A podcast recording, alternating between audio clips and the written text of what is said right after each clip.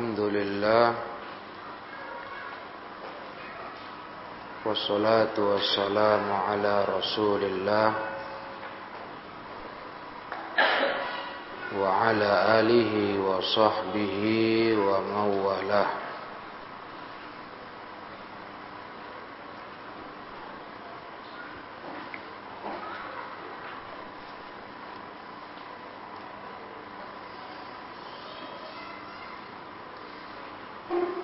Ayat ke-28. Ya.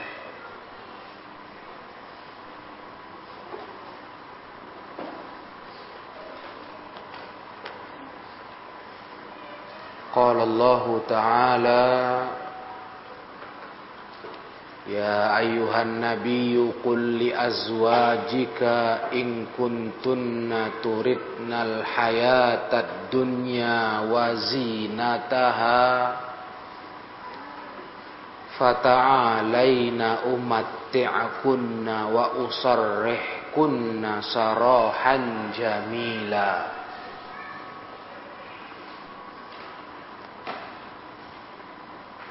Wahai Nabi Katakanlah kepada istri-istrimu Kalau memang kalian ingin hidup dunia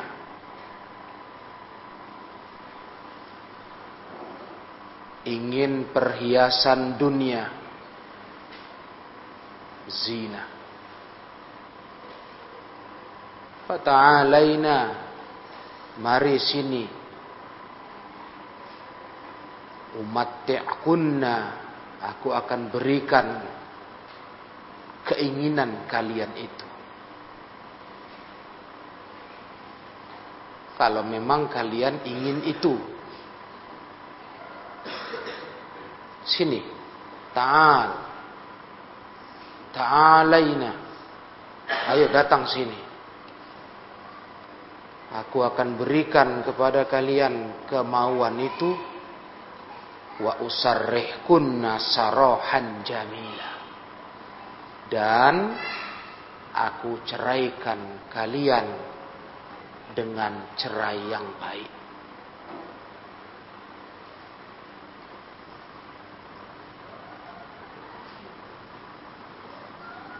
Ayat 28 Surah Al-Ahzab Ada apa yang ada apa yang terjadi? Sampai Rasulullah sallallahu alaihi wasallam diajarkan Allah memberikan pilihan kepada istri-istrinya. Ada apa?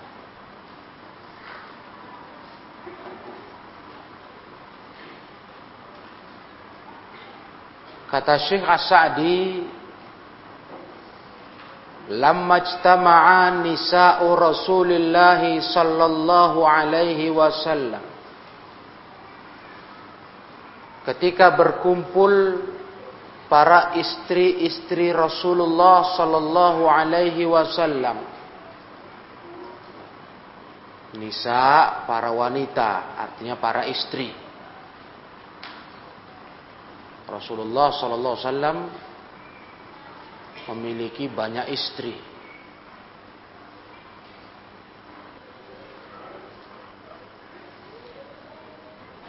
Berkumpul dalam fil dalam hal kecemburuan. Artinya masing-masing sedang saling cemburu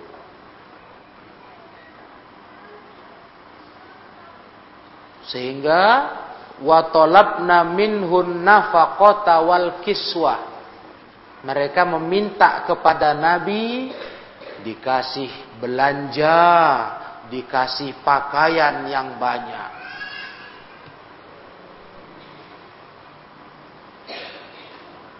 Itu memang kesukaan perempuan. Ya kan? Ya semua kita suka duit. Tapi perempuan lebih suka daripada laki-laki. Hobi perempuan yaitu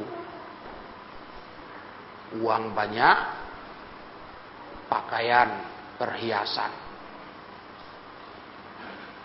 Ini yang diminta oleh para istri Nabi kepada Nabi. Masing-masing saling cemburu. Masing-masing minta jatah belanjanya banyak. Bajunya banyak. Sedangkan Rasulullah SAW beliau orangnya sederhana. Walaupun beliau banyak jalan untuk menjadi kaya raya, beliau nggak mau. Nah, ghanimah melimpah ruah, ghanimah rampasan perang. Rasulullah dapat seberapa? Walillahi khumusahu seperlima. Tapi Rasulullah nggak mau memperkaya dirinya. Beliau bagi lagi kepada kaum muslimin. Nah, karena banyak minta waktu itu para istri Nabi tolabna minhu amro mereka minta dari Rasul satu perkara layak diru alaihi. Rasul nggak sanggup nggak mampu. Fi kulli tiap saat. Terus-terusan. Waktu itu para istri masing-masing minta belanja yang banyak. Minta baju dan sebagainya. Rasulullah nggak sanggup. Ya. Sedangkan walam yazalna fi tolabihinna muttafiqat mereka terus menerus dalam tuntutan mereka sepakat satu suara. Kayak terencana sudah. Serentak. Kalau satu-satu istri Nabi yang minta entah pula lah. Ini istilahnya sekali ngulah, ngulah semua. Berulah. Tahu berulah? Bertingkah. Serentak Istri Nabi banyak. Ya. Gimana juga? Semua masing-masing minta. Datang ke rumah sini, mintanya sama. Pindah ke rumah yang situ, mintanya lagi sama. Pindah lagi ke yang lain. Semuanya begitu. Muttafiqat, sepakat. Fi muradihinna muta'annitat. Dalam keinginan mereka, kemauan mereka muta'annitat. Ngotot kata kita. Muta'annit itu ngotot, bandal. Istilah kita dibilang ngotot kali kau minta, ah gitu loh dia. Paham betul? Muta'annit itu ngejar terus. Gimana coba bayangkan Syakka dzalika 'ala Rasul. Beratlah itu bagi Rasulullah. Berat. Nah, ini ini makanya salah satu yang harus wanita itu tahu ilmunya. Itulah gunanya kalian belajar. Ya. Kalau bersuami, punya suami nanti, Jangan jadi seorang istri yang suka memberatkan suami. Suami nggak mampu, suami nggak sanggup, dituntut-tuntut. Ini penyakit perempuan. Nah, ya akhwat. Memang betul tugas suami itu ngasih belanja istri, betul ngasih tempat tinggal, ngasih pakaian. Tapi itu tergantung kesanggupan suamimu. Kalau suami nggak mampu, jangan dituntut-tuntut. Ya, nah, Jangan dikejar-kejar, direngek-rengein kata-kata kata orang. Tiap saat minta itu, padahal suami nggak sanggup. Ya, uang nggak ada, tapi itu terus dikejar-kejar. Minta ini, minta itu. Nah, ini perempuan. Tidak boleh ya. Istri Nabi pernah kayak gitu. Pernah. Namanya perempuan. Walaupun istri Nabi Shallallahu Alaihi Wasallam radhiyallahu taala anhunna mereka itu wanita yang paling mulia tapi namanya sifat perempuan itu ada. Serentak sekalian pula itu. Pening Nabi. Syakko. Pening. Berat rumah istri Nabi banyak sesuai jumlah orangnya. Nabi ke sana, Nabi ke sana, semua sama. Sekali itu betul-betul luar biasa. Nuntutnya sama. Masya Allah. Nah, sampai akhirnya karena Nabi udah pening, ya, pening, hatta wasolat bihil halu. Sampailah kondisinya memuncak lah itu istilahnya. Wasolat bihil halu. Keadaannya sudah sampai. Artinya udah puncaknya Nabi pening. Berat. Nengok tingkah istri-istri itu. Annahu ila annahu alamin hunna syahran. Nabi pun akhirnya mengilak istri-istrinya sebulan apa itu mengilak? Ala. Mengilak artinya bersumpah tidak menggauli istri-istrinya satu bulan lamanya. Ilak. Ilak itu bersumpah tidak menggauli. Itu ilak. Berarti pisah tempat tidur. Enggak Nabi gilir mereka. Nabi pergi. Itu ilak ya, bersumpah tidak menggauli istri-istrinya sebulan. Ilah ini dalam pelajaran fikih diterangkan oleh ulama dulu sebelum ada Islam ilah ini udah biasa dibuat orang tapi nggak ada batas. Tujuannya apa? Supaya memberi pelajaran kepada istri-istri yang durhaka. Kan jadi nasibnya terkatung-katung. Ya, ada suami tapi kayak nggak ada suami, nah, itu hilang. Karena suaminya nggak mau tidur sama dia. Terkatung-katung, ya kan? Dibilang nggak ada suami, dibilang janda, adanya suami. Dibilang bersuami, kayak nggak ada suami. Ketika Islam datang, ilah ini dibatasi.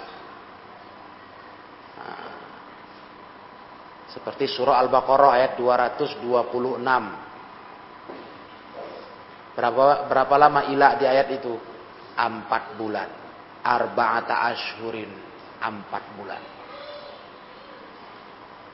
Kalau lewat empat bulan, suaminya tidak juga balik kayak semula, nah, istri berhak menuntut dicerai saja. Nah, itu paling maksimal 4 bulan.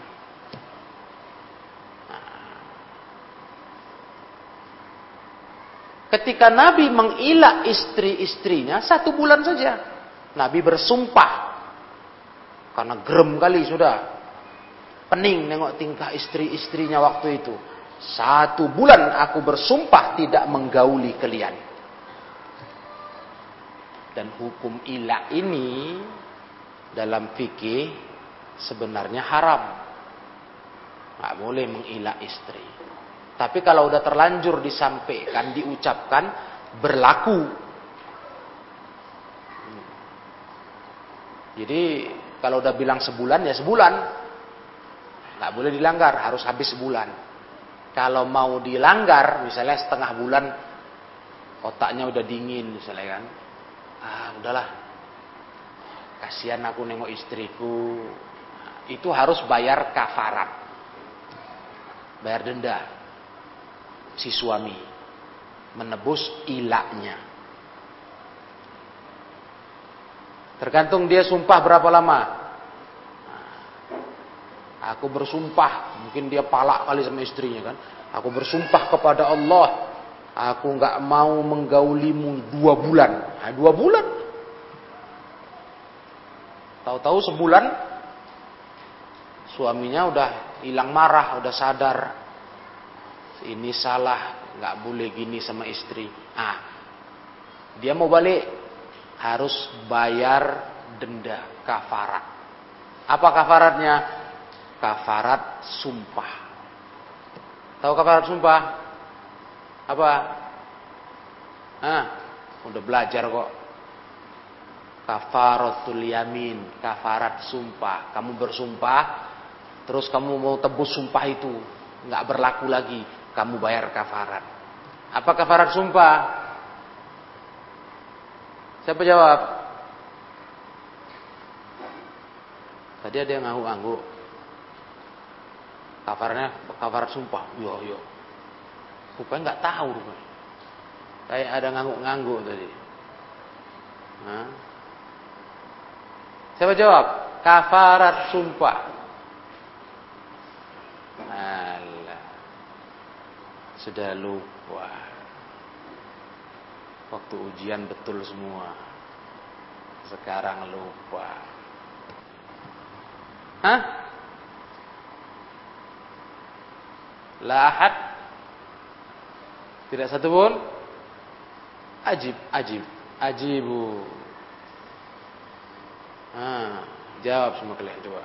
Kafarat sumpah, kafaratul yamin. Apa itu? Kafaratul yamin memberi makan fakir miskin. Berapa orang? Berapa orang? Gila. Kasih makan fakir miskin sekampung. Satu kampung. Iya. Iya itu. Bukan, jangan pula ditulis satu kampung, mati kau ngasih makannya. Bangkrut ke kampungnya bukan pula lima rumah sekampung, lima ratus rumah, bangkrut. Kasih makan sepuluh orang fakir miskin.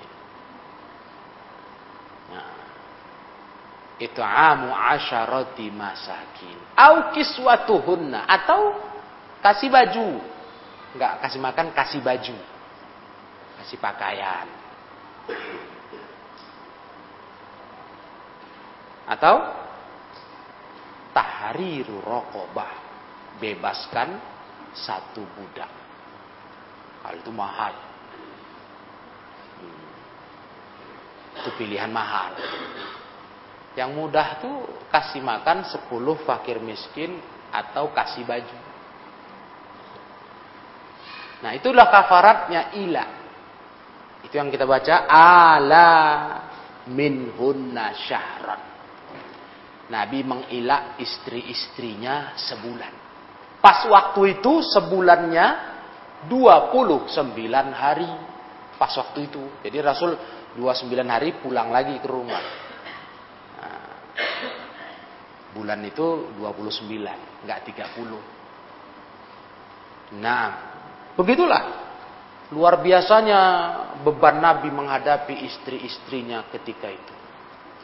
Sekali berulah, semuanya berulah. Ya.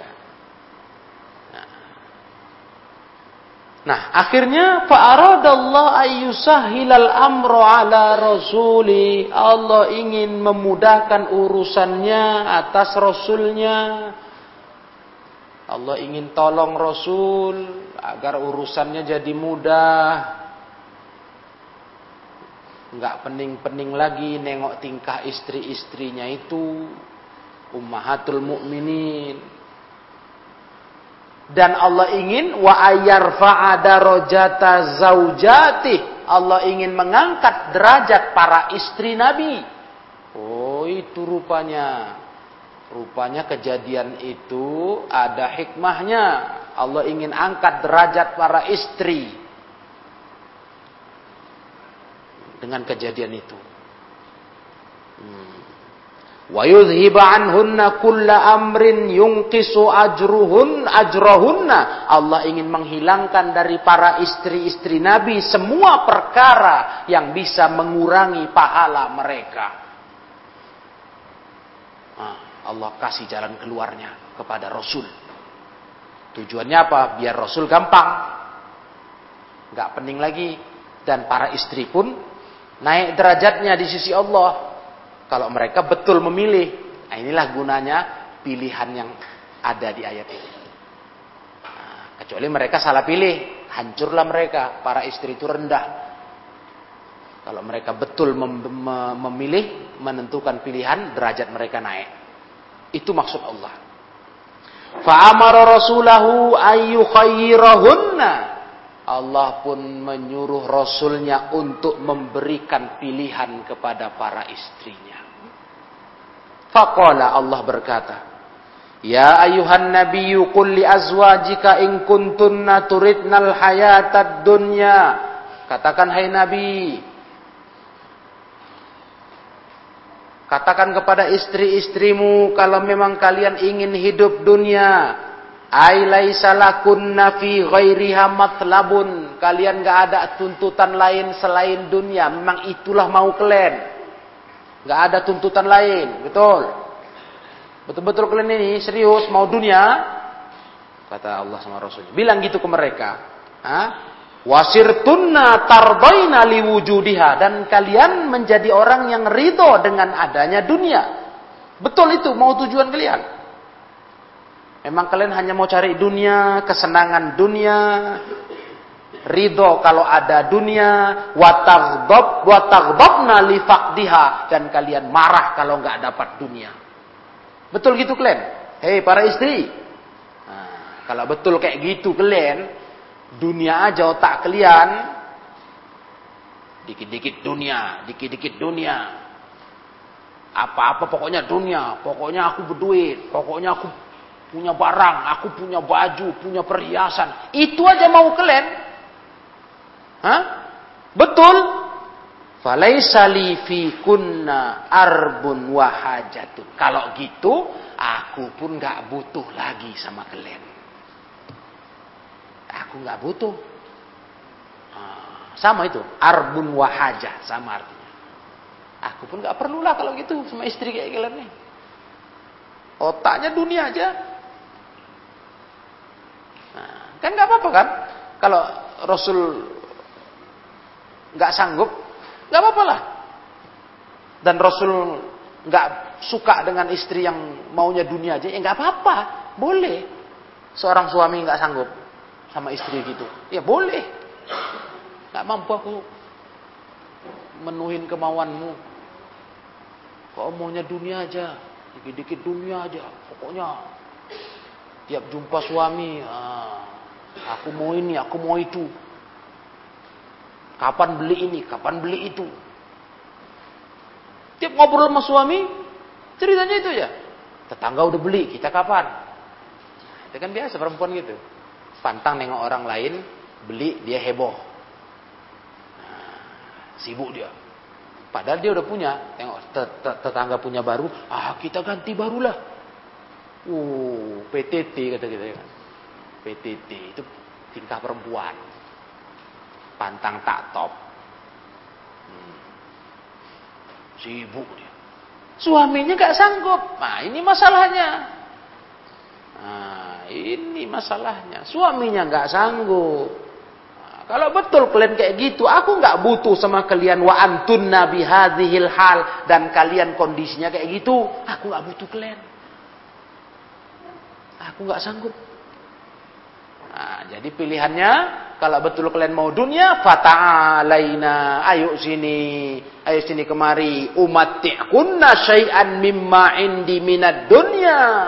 Aku kasih kesenangan sama kalian yang aku punya dari dunia, sebatas kemampuanku lah.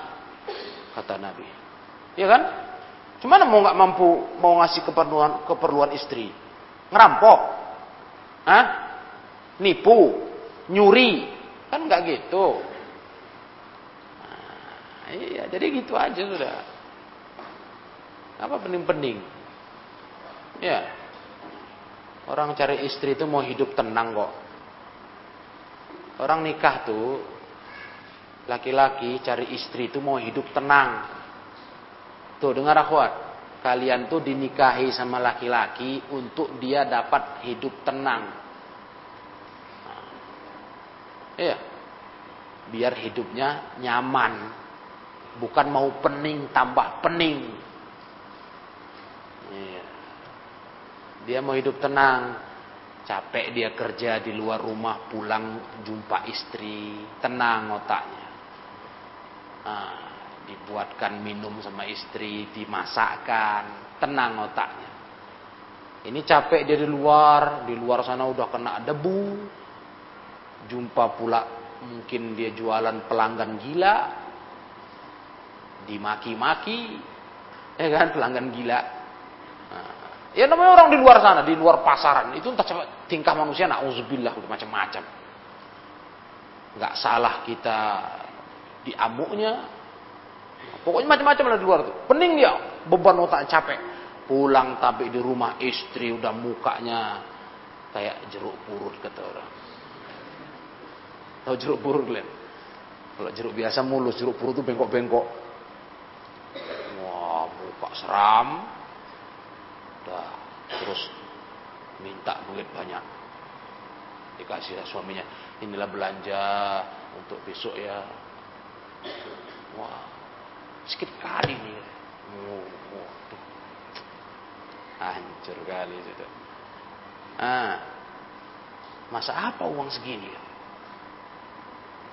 Mau kau makan teri aja katanya. Iyo. Allahul musta'an. Baru buka baju mau mandi udah ditanyanya. Belikan aku emas besok. Alah alah. Emas dari mana? Beli pakai apa? Kan tadi uang belanja aja udah tinggal berapa dikasih. Lah minta beli emas. Macam lah tingkah istri nggak tahu syukur ini ya kan.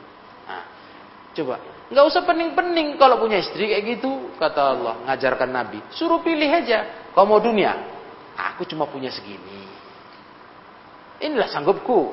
Kecuali aku tadi nggak kerja, aku nggak nggak berusaha, aku nggak tanggung jawab, barulah salah. Aku udah kerja, aku tanggung jawab. Cuman ini rezekinya. Nah, itu kata kata Syekh, syai'an mimma indi minad dunya. Ini, sini, ku kasih sesuatu yang aku punya dari dunia. Sini ku kasih. Ini punya aku segini kalau kamu cari dunia. Ah, tapi setelah itu wa usarrihkunna ay ufarikunna sarohan jamila. Habis itu kita pisah aja ya. Cerai aja lah sudah. Nah, ku cerai kau baik-baik. Ya nggak sanggup? Macam mana? Punya istri kok malah makin pening kepalanya. Suntuk otaknya. Tersiksa dia. Macam mana? Ya orang dia nggak sanggup. Dia bukan nggak cari duit. Si suami. Kerja. Tapi rezeki itu kan beda-beda tiap orang. Nah, di sinilah ya dengar akhwat. Ini gunanya belajar agama biar kau tahu jadi istri itu kayak mana nantinya. Karena walaupun kalian sekarang belum usianya nikah, pasti akan sampai usianya. Iya kan? Nah, kalian akan jadi wanita-wanita dewasa yang akan berumah tangga. Kalian harus tahu ilmunya. Wanita itu kata Rasulullah harus tahu syukur ke suami. Mensyukuri yang dikasih suami sampai diancam Nabi dalam hadis hadis yang sahih disahihkan Syekh Al-Albani dalam Sahih Targhib wa Tarhib apa kata Nabi La yanzurullah ilam ro'atin la tashkuru li zawjiha wa hiya la tastaghni anhu Allah tak mau melihat kepada seorang istri yang tak tahu syukur sama suami. Padahal dia butuh hidup sama suami itu.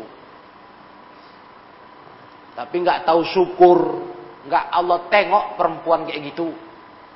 Tak mau Allah tengok. Maksudnya tak ditengok dengan pandangan kasih sayang. Tak suka Allah nengok istri kayak gitu.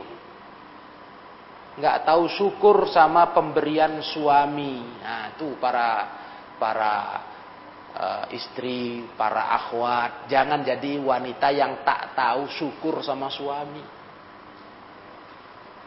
Nah, syukurilah dikasih suami apa dapat suami rizki? Alhamdulillah. Gitu. Ya kan? Tahu syukur sama suami bukan tahu kufur. Tak ada cukupnya. Memang begitulah sifat manusia apalagi perempuan. Tak ada cukupnya. Hmm. coba syukuri kalau disyukuri pemberian suami itu, Allah senang sama wanita begitu. Karena kalau dunia ini kalian kejar, nggak ada cukupnya. Ada. Kalau kalimat kebutuhan dunia, nggak ada cukupnya. Jangan kalian pikir, oh ya, karena suamiku miskin. Coba kalau suamiku kaya, aku kan bisa minta ini, minta itu. Iya, nggak cukup. Tuh kalian. Udah banyak dibuktikan orang. Sampai ada survei, survei. Kenapa pejabat yang hartanya udah miliar kok korupsi? Ayo. Kenapa? Ketangkap KPK. Hah? Komisi Pemberantasan Korupsi KPK. Kenapa? Dia udah kaya loh. Jadi pejabat tuh di uangnya dilaporkan sekian miliar, sekian miliar, miliar. Bukan juta-juta lagi. Kok korupsi ketangkap korupsi, tangkap masuk penjara. Itu banyak di antaranya apa? Demi memuaskan selera istri. Rupanya istrinya karena istri pejabat ah, belanja bukan kurang di belanja cukup Cuma udah naik kelas, nggak kelas lagi belanja di Indonesia, belanjanya di Amerika atau Ngerti? Beli tas nggak bisa beli tas di plaza yang mahal di Medan nih, Sun Plaza nggak laku. Karena kalau jumpa mak-mak grup dia, ditanya orang beli di mana? Di Medan. Hah? California. Oh itu rupanya Beli tasnya di Amerika. Macam mana coba? Ongkos ke sananya, pulang perginya, beli tasnya. Wah, ngeri-ngeri lah. Beli jam tangannya di Amerika. Wih, di luar negeri semua. Sepatu. Besok tusuk gigi beli di Amerika. Nah, biar ditanya orang lagi tusuk gigi. Dari mana tusuk gigi kau? Padahal cuma dari bambu ya kan. Gila dengan gaya hidup itu intinya. Gila dengan gaya hidup. Gila merek. Nggak lagi cuman yang penting bajunya cantik. Nggak. Merek sekarang. Oh, tas-tas itu. Wih, ya Allah ya Allah. Terakhir mereka sadar. Ada sebuah wawancara, mereka pun sadar. Kegilaan itu. Nah, artinya mereka lama-lama pening jujur sendiri. Ya, kok bisa ya kita kayak gitu ya? Tas. Tas perempuan kan nggak besar-besar kan? Bukan macam tas ransel kalian. Itu harganya la ilaha illallah 700 juta. 1,2 M. Duh. Ada apa tas kayak gitu? Nah, rupanya merek. Mereknya ini, oh, tas dunia. Jadi kalau dia jalan, ditengok orang, uh, tas ibu itu ngeri kali ya. Nah, itu. Itu. Macam mana cukup uang 5 miliar kalau belanja bini minta 10 miliar? Kurang lah. Itulah korupsi, curi uang negara, Biar kalian. Nah, kalau itu dituruti hidup, ya para akhwat, kalau dituruti hidup nggak ada cukupnya. Padahal kalau untuk belanja di Indonesia, weh, mau beli apa dia? Suka hati, banyak kali uangnya, cukup kali lah. Tapi sudah beda kelasnya, udah naik ke tingkat belanja internasional. Beli bukan online, bukan suruh bang Gojek ngantar, dia ke sana. Ah, Biar tahu kalian. Pelesiran. Mau beli tas itu pergi ke Amerika sana. Berapa duitnya juga? Ongkos tiket, hotel nginap, makan, oh, gaya hidup. Nah, akhirnya suaminya pening, ah korupsi laku, ketangkap KPK, sekarang tidur di penjara. Sedap kan? Itulah manusia ya. Jadi itu intinya. Hidup ini kalau nggak tahu syukur, susah. Susah. Intinya itu, apalagi wanita sama suami. Syukurilah suami. Nah, iya kan? Syukuri. Hidupnya enak disyukuri. Bukan serba ada. Nggak, nggak nikmat itu. Kalau kita serba ada, tapi nggak syukur, itu pun nggak enak. Ya, nggak enak. Udah punya rumah, punya kendaraan, punya ini. Tapi nggak syukur. Itu masih sesak otak kalian. Kenapa? Punya rumah satu udah masih belum cukup. Pengen dua. Udah dua, pengen tiga. Nah, otak kalian nggak pernah tenang. Karena nggak syukur. Punya kendaraan satu. Ah, kepengen naik kelas, lebih mahal, lebih baru. Uh, ya tambah pening lagi. Ngerti? Nah, itulah hidup kalau nggak tahu syukur. Tapi kalau tahu syukur, oh nikmat. apalagi sadar kesenangan dunia ini sebentar. Ntar lagi ditinggalkan, mati kita tinggal semua. Nah, ini yang harus dididik dalam jiwa kita. Tahu syukur nikmat. Ini contoh kejadian di zaman Nabi dengan para istri beliau ummahatul mukminin ada hikmah.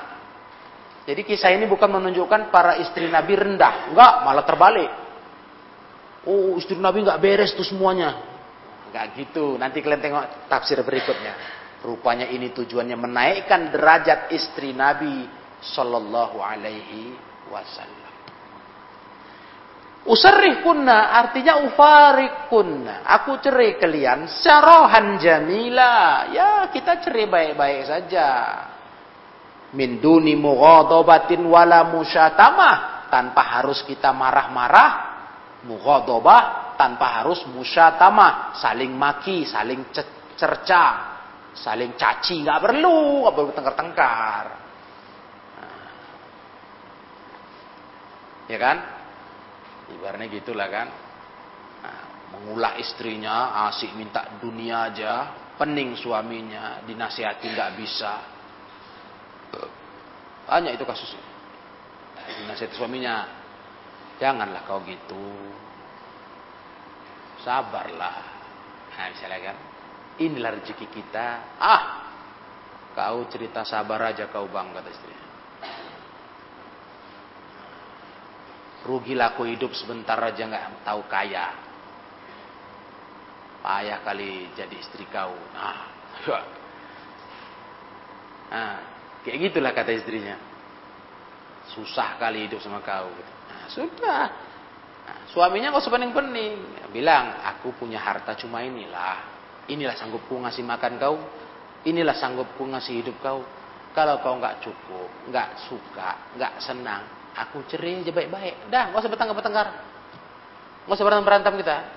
Nggak usah jerit-jerit, nggak usah pecah piring, berantem-berantem ya kan. Lempar piring.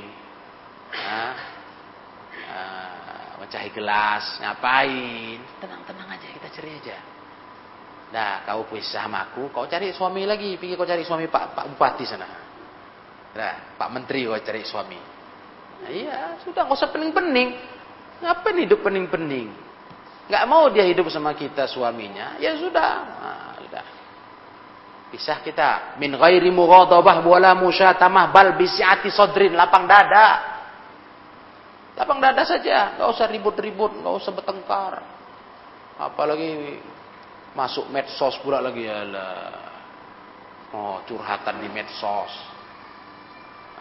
Nggak usah, ceri baik-baik aja. Sarohan jamila Ah, bal bisiati sodrin wan shirohi balin dengan lapang dada, lapang-lapang hati. Qabla an tablughul hal ila ma la bagi sebelum kondisinya sampai kepada yang tidak sepantasnya terjadi. Nah, ngapain kita harus sampai bertengkar? Ah, Bertumbuk pula sama istrinya, ilaha illallah. Ah. Tampar istri tunjang apa? Ngapain ribut-ribut? Selesaikan tenang-tenang. Gimana? Enggak mau kau ku nasihati, enggak sanggup aku memang kalau mau kau begitu bukan enggak ada, enggak sanggup. Ini rezekiku. Nah, ya sudah kalau gitu kita enggak bisa sama lah hidup, bisa lah. Dah, Cerai baik-baik. Nah, ya hidup ini begitu, nggak ya, Nggak bisa disatukan, ya pisah. Biar dia cari suami lagi, su suaminya cari istri lagi, kan gampang. Gampang nggak? Gampang lah. Kita orang Islam bukan orang Kristen. Kalau Nasrani ya haram cerai, haram. Orang Islam nggak haram. Nggak apa-apa ya. Memang nggak cocok lagi hidup sama kok. Ya kan? Gitu. Nah, kalau enggak cocok hidup sama, ngapain dipertahankan? Sama-sama udah beda beda pandang suami istri ini.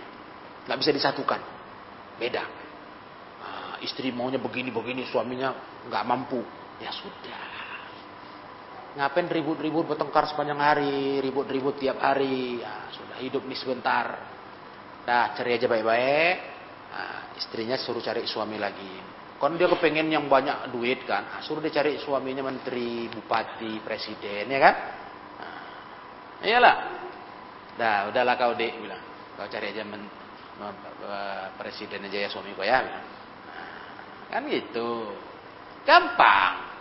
Nah, suaminya cari istri lagi. Selesai urusannya.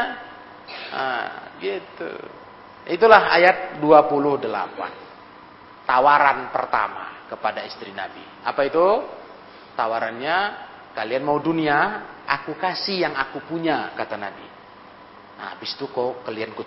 Karena aku nggak sanggup. nggak mampu. Kemudian yang kedua, tawarannya dari Allah Ta'ala.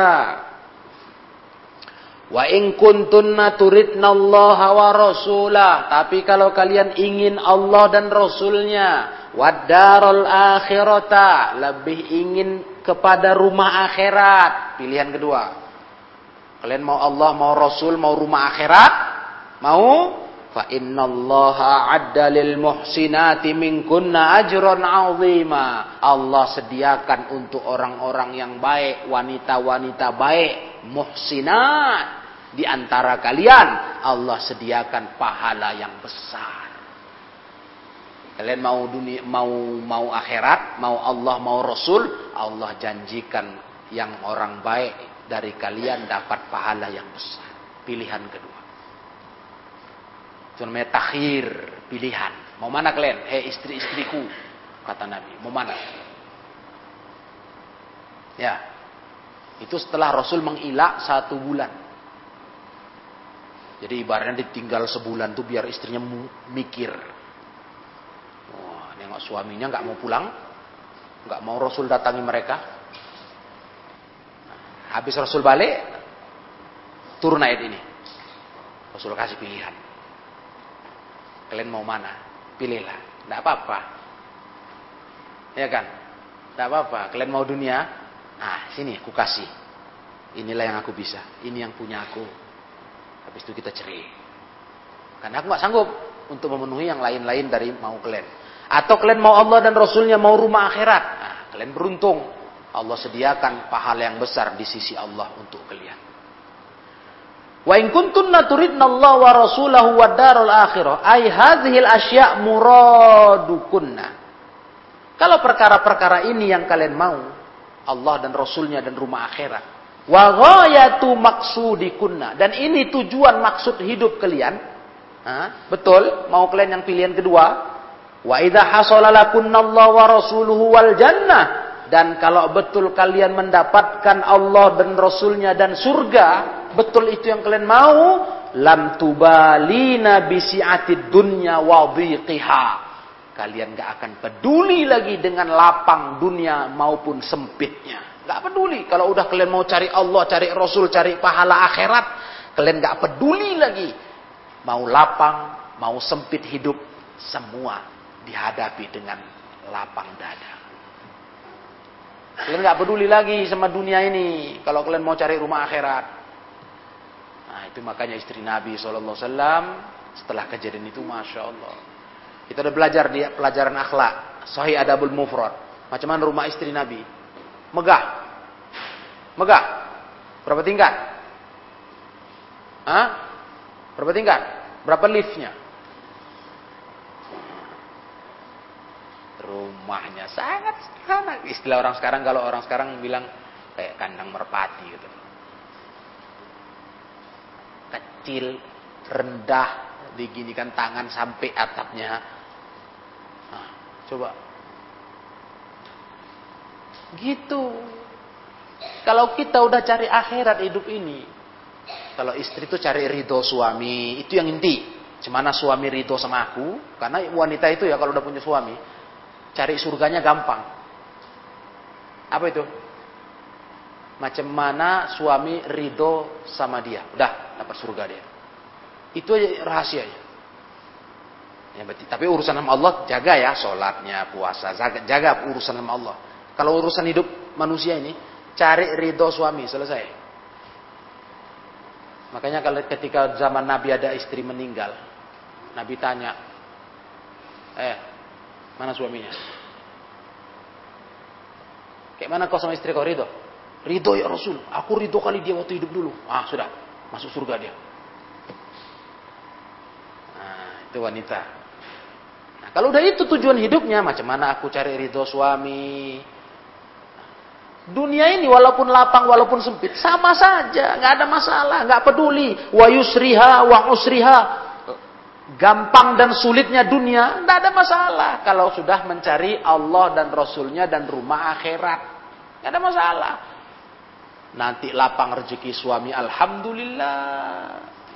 Happy saja dia istilahnya, happy, gembira.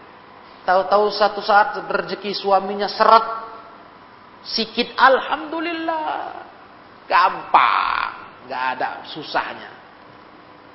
Ya. Banyak rezeki suami. Uh, lauknya pun mantap. Makan ikan. Makan ayam. Ya kan? Nggak ada rezeki suami. Aduh. Ah, coba. Apa mau beli? Ada. Ah, paling bisa makan ikan asin. Ya. Atau apalagi yang murah-murah. Nggak ada masalah. Santai aja dia. Nah, itu orang yang bahagia hidupnya. Iya. Karena bukan dia tujuannya bukan dunia, dia tujuannya rumah akhirat. Jadi dunia ini sekedar numpang lewat, numpang lewat. Karena bukan ini tujuannya, tujuannya tuh di sana akhirat rumahnya. Ini dunia cuma numpang lewat, numpang jalan. Masya Allah. Nah, inilah wanita yang beruntung ya. Nah, Wa qana'tunna min Rasulillah bima tayassar. Kalian merasa cukup dari Rasul apa yang mudah diberi Rasul. Walam tatlubna minhu ma yashukku. Kalian enggak meminta dari Rasul yang memberatkan Rasul. Enggak ada kalian minta dari Rasul hai para istri yang bikin berat Rasul. Ah, betul-betul kalian mau cari Allah dan Rasulnya di rumah akhirat. Diberi Rasul berapa kalian syukur. Maka fa innallaha a'adda lil muhsinati minkunna ajron azima. Allah sediakan bagi wanita-wanita baik di antara kalian dengan pahala yang besar. Rattabal ajro ala wasfihinna bil ihsan. Allah taala memberikan pahala atas sifat mereka buat baik. Ya. Karena buat baik. Nah, kepada Rasul. Balla yufi uh, li'annahu sababal mujib lidzalik sebab itulah yang menjadi sebab yang mengharuskan yang menyebabkan dapat pahala. Buat baik. Jadi para istri nabi kalau mau dapat pahala buat baik. Ya la likaunihinna zaujatun lirrasuli fa inna mujarrad dzalik la yakfi bukan semata-mata jadi istri rasul semata-mata karena status saja sebagai istri Rasul nggak cukup. Nah, tuh perhatikan. Walaupun istri Rasul, dengar kalian, kalau dia nggak baik, nggak cukup untuk mendapatkan pahala surga. Jangan sok mentang-mentang Aku istri Nabi. Nggak bisa. Untuk dapat pahala, kau jadi orang baik juga. Kenapa tidak? Udah ada contoh Nabi dulu. Istrinya nggak mau ikut dengan Nabi itu. Akhirnya masuk neraka dengan azab. Istri Nabi siapa itu? Nabi siapa? Hah? No alaihi salam. Tak mau ikut. Jadi jangan mentang-mentang istri Nabi nggak mempan, nggak bisa. Apalagi ya, istri Nabi itu kan masya Allah itu. Istri itu sama suami kayak baju. Hunna libasul lakum wa antum libasul lahunna. Mereka itu bajunya kalian, mereka itu baju kalian, kalian baju mereka. Suami istri itu kayak ibarat baju di badan kita. Makanya nggak boleh menghina istrinya. Rasulullah. Kenapa? Itu ibarat kau menghina Rasul. Sama kayak kamu pakai baju. Orang nggak ngina dirimu, nggak disebutnya kau, bajumu dihinanya. Ah, baju. Apa ini? Kain lap ini. Hah? Gembel ini, baju gembel. Dia nggak ngina kamu, nggak. Cuman baju yang kau pakai digitukan ya. Gimana kira-kira? Kau terhina nggak? Terhina nggak? Oh, terhina lah. Merah mukamu kan? Nah, marah. Ih, kurang ajar.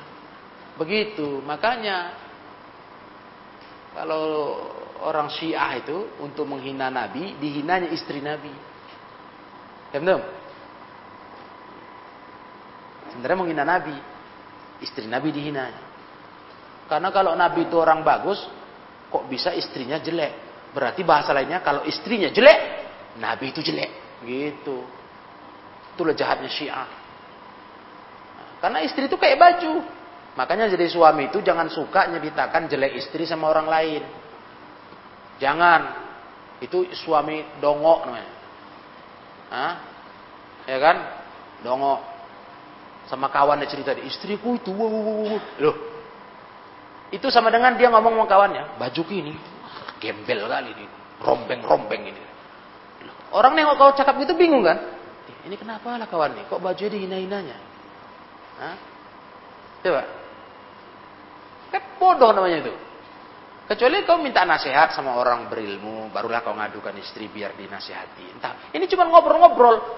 Datang istri gitu juga cerita sama kawan-kawannya, mak-mak, umahat. Oh suami aku ya Allah ya Rabbi. Oh rakus sekali. Kalau makan lima piring. Lah lah lah. Itu bajumu eh mama bilang. Itu bajumu bu. Jangan kau hina-hina bajumu. Mak-mak lagi masalah baju sensitif kali itu ya kan. Sensitif kali itu. Pakaian itu kan kesukaan perempuan ya kan. Mereka setelan pagi perhatian kali itu. Coba bayangkan, kamu yang pakai baju aja diginikan kawan lain. Assalamualaikum, apa kabar?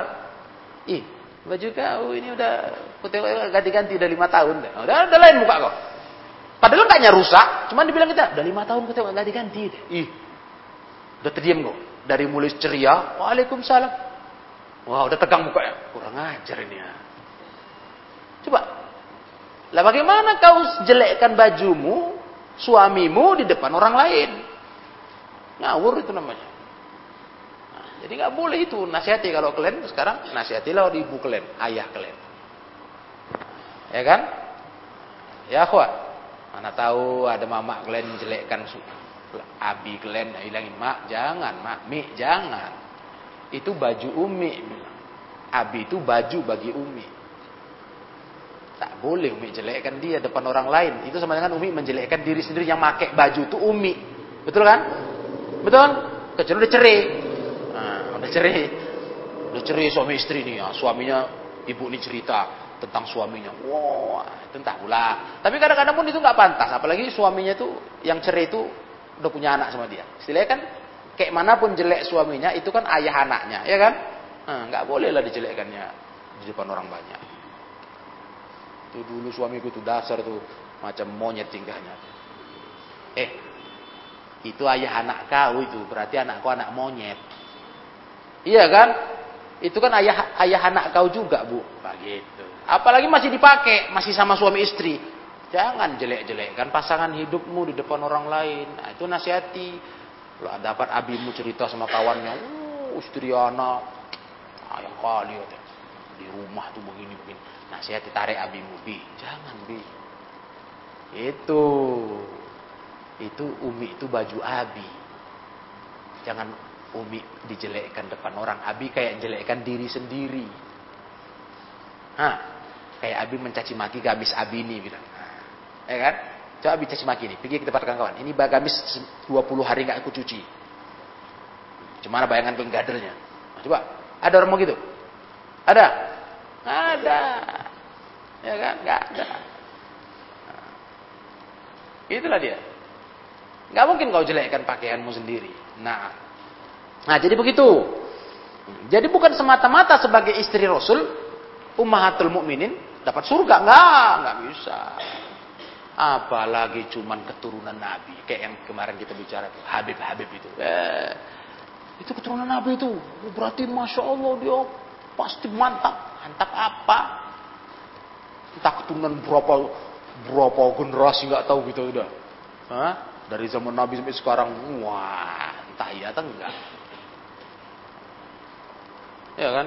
Gaya kali. Keturunan Nabi, zuriat Nabi gitu ya. Berarti kita harus patuh sama dia, membela dia, zuriat Nabi. Loh. Zuriat Nabi macam mana? Kalau dia betul zuriat Nabi yang soleh, yang ahli sunnah, akidahnya bagus, betul mantap. Tapi kalau cuma status zuriat Nabi, kata zuriat Nabi. Tapi kerjanya la ilaha illallah ada tuh, ada Habib tuh. Sekarang masih di penjara nongkrong. Zuriat Nabi. Habis ramah. Wah, zuriat Nabi muncung kau berasap. Hah? Kalau ceramah keluar maki-makian. Apa-apa ngomong. Astagfirullah. Zuriat Nabi muncungnya gitu. Merokok karu-karuan. La ilaha illallah.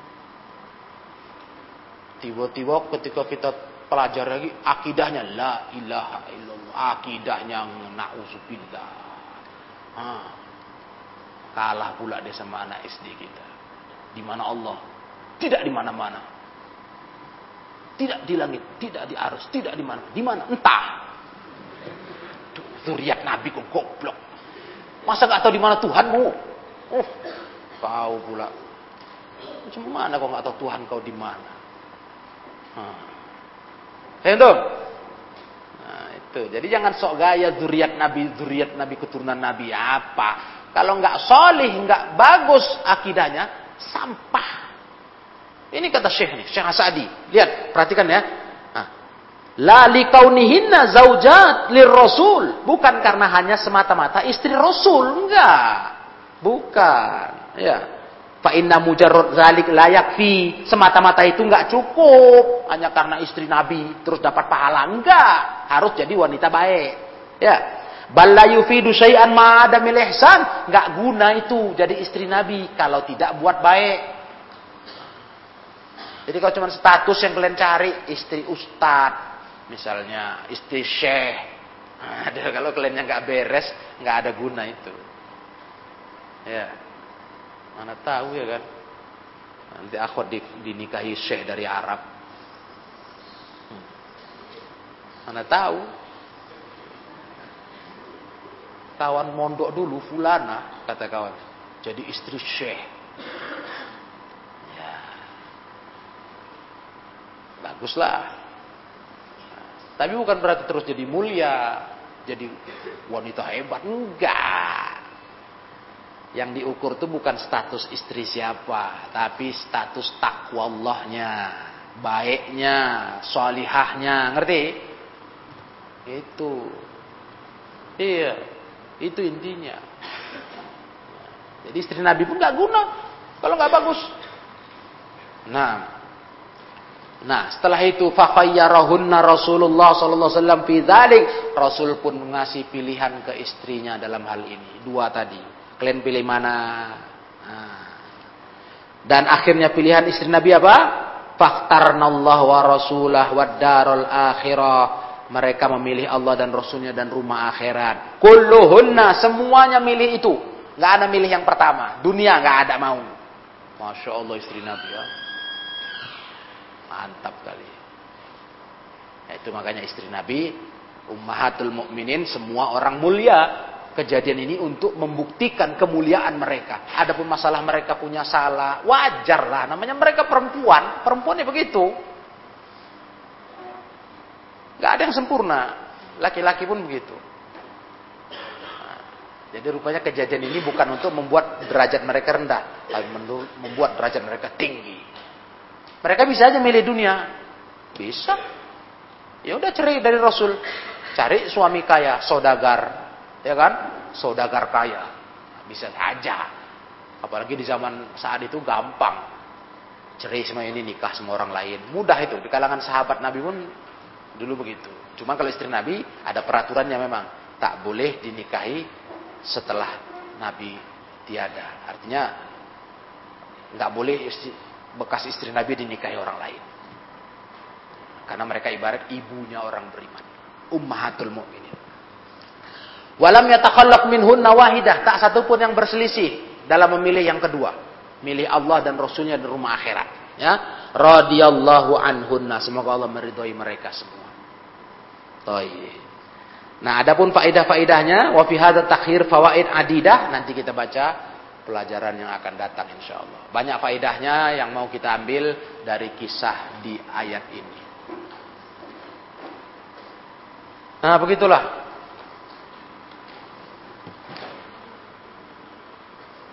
Dunia ini memang membuat seseorang itu bisa jadi rusak. Maka jangan cinta kali sama dunia, ya. Syukuri yang ada itu di hidup nih ya. Syukuri yang ada. Sahabat Nabi itu masya Allah, aduh. Syukur aja yang ada.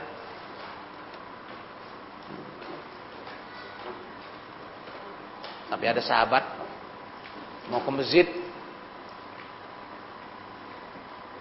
Dia nunggu istrinya siap ibadah di rumah. Kenapa? Gantian pakai kain. Kain untuk sholat aja cuma satu. Tukar nama istri gantian.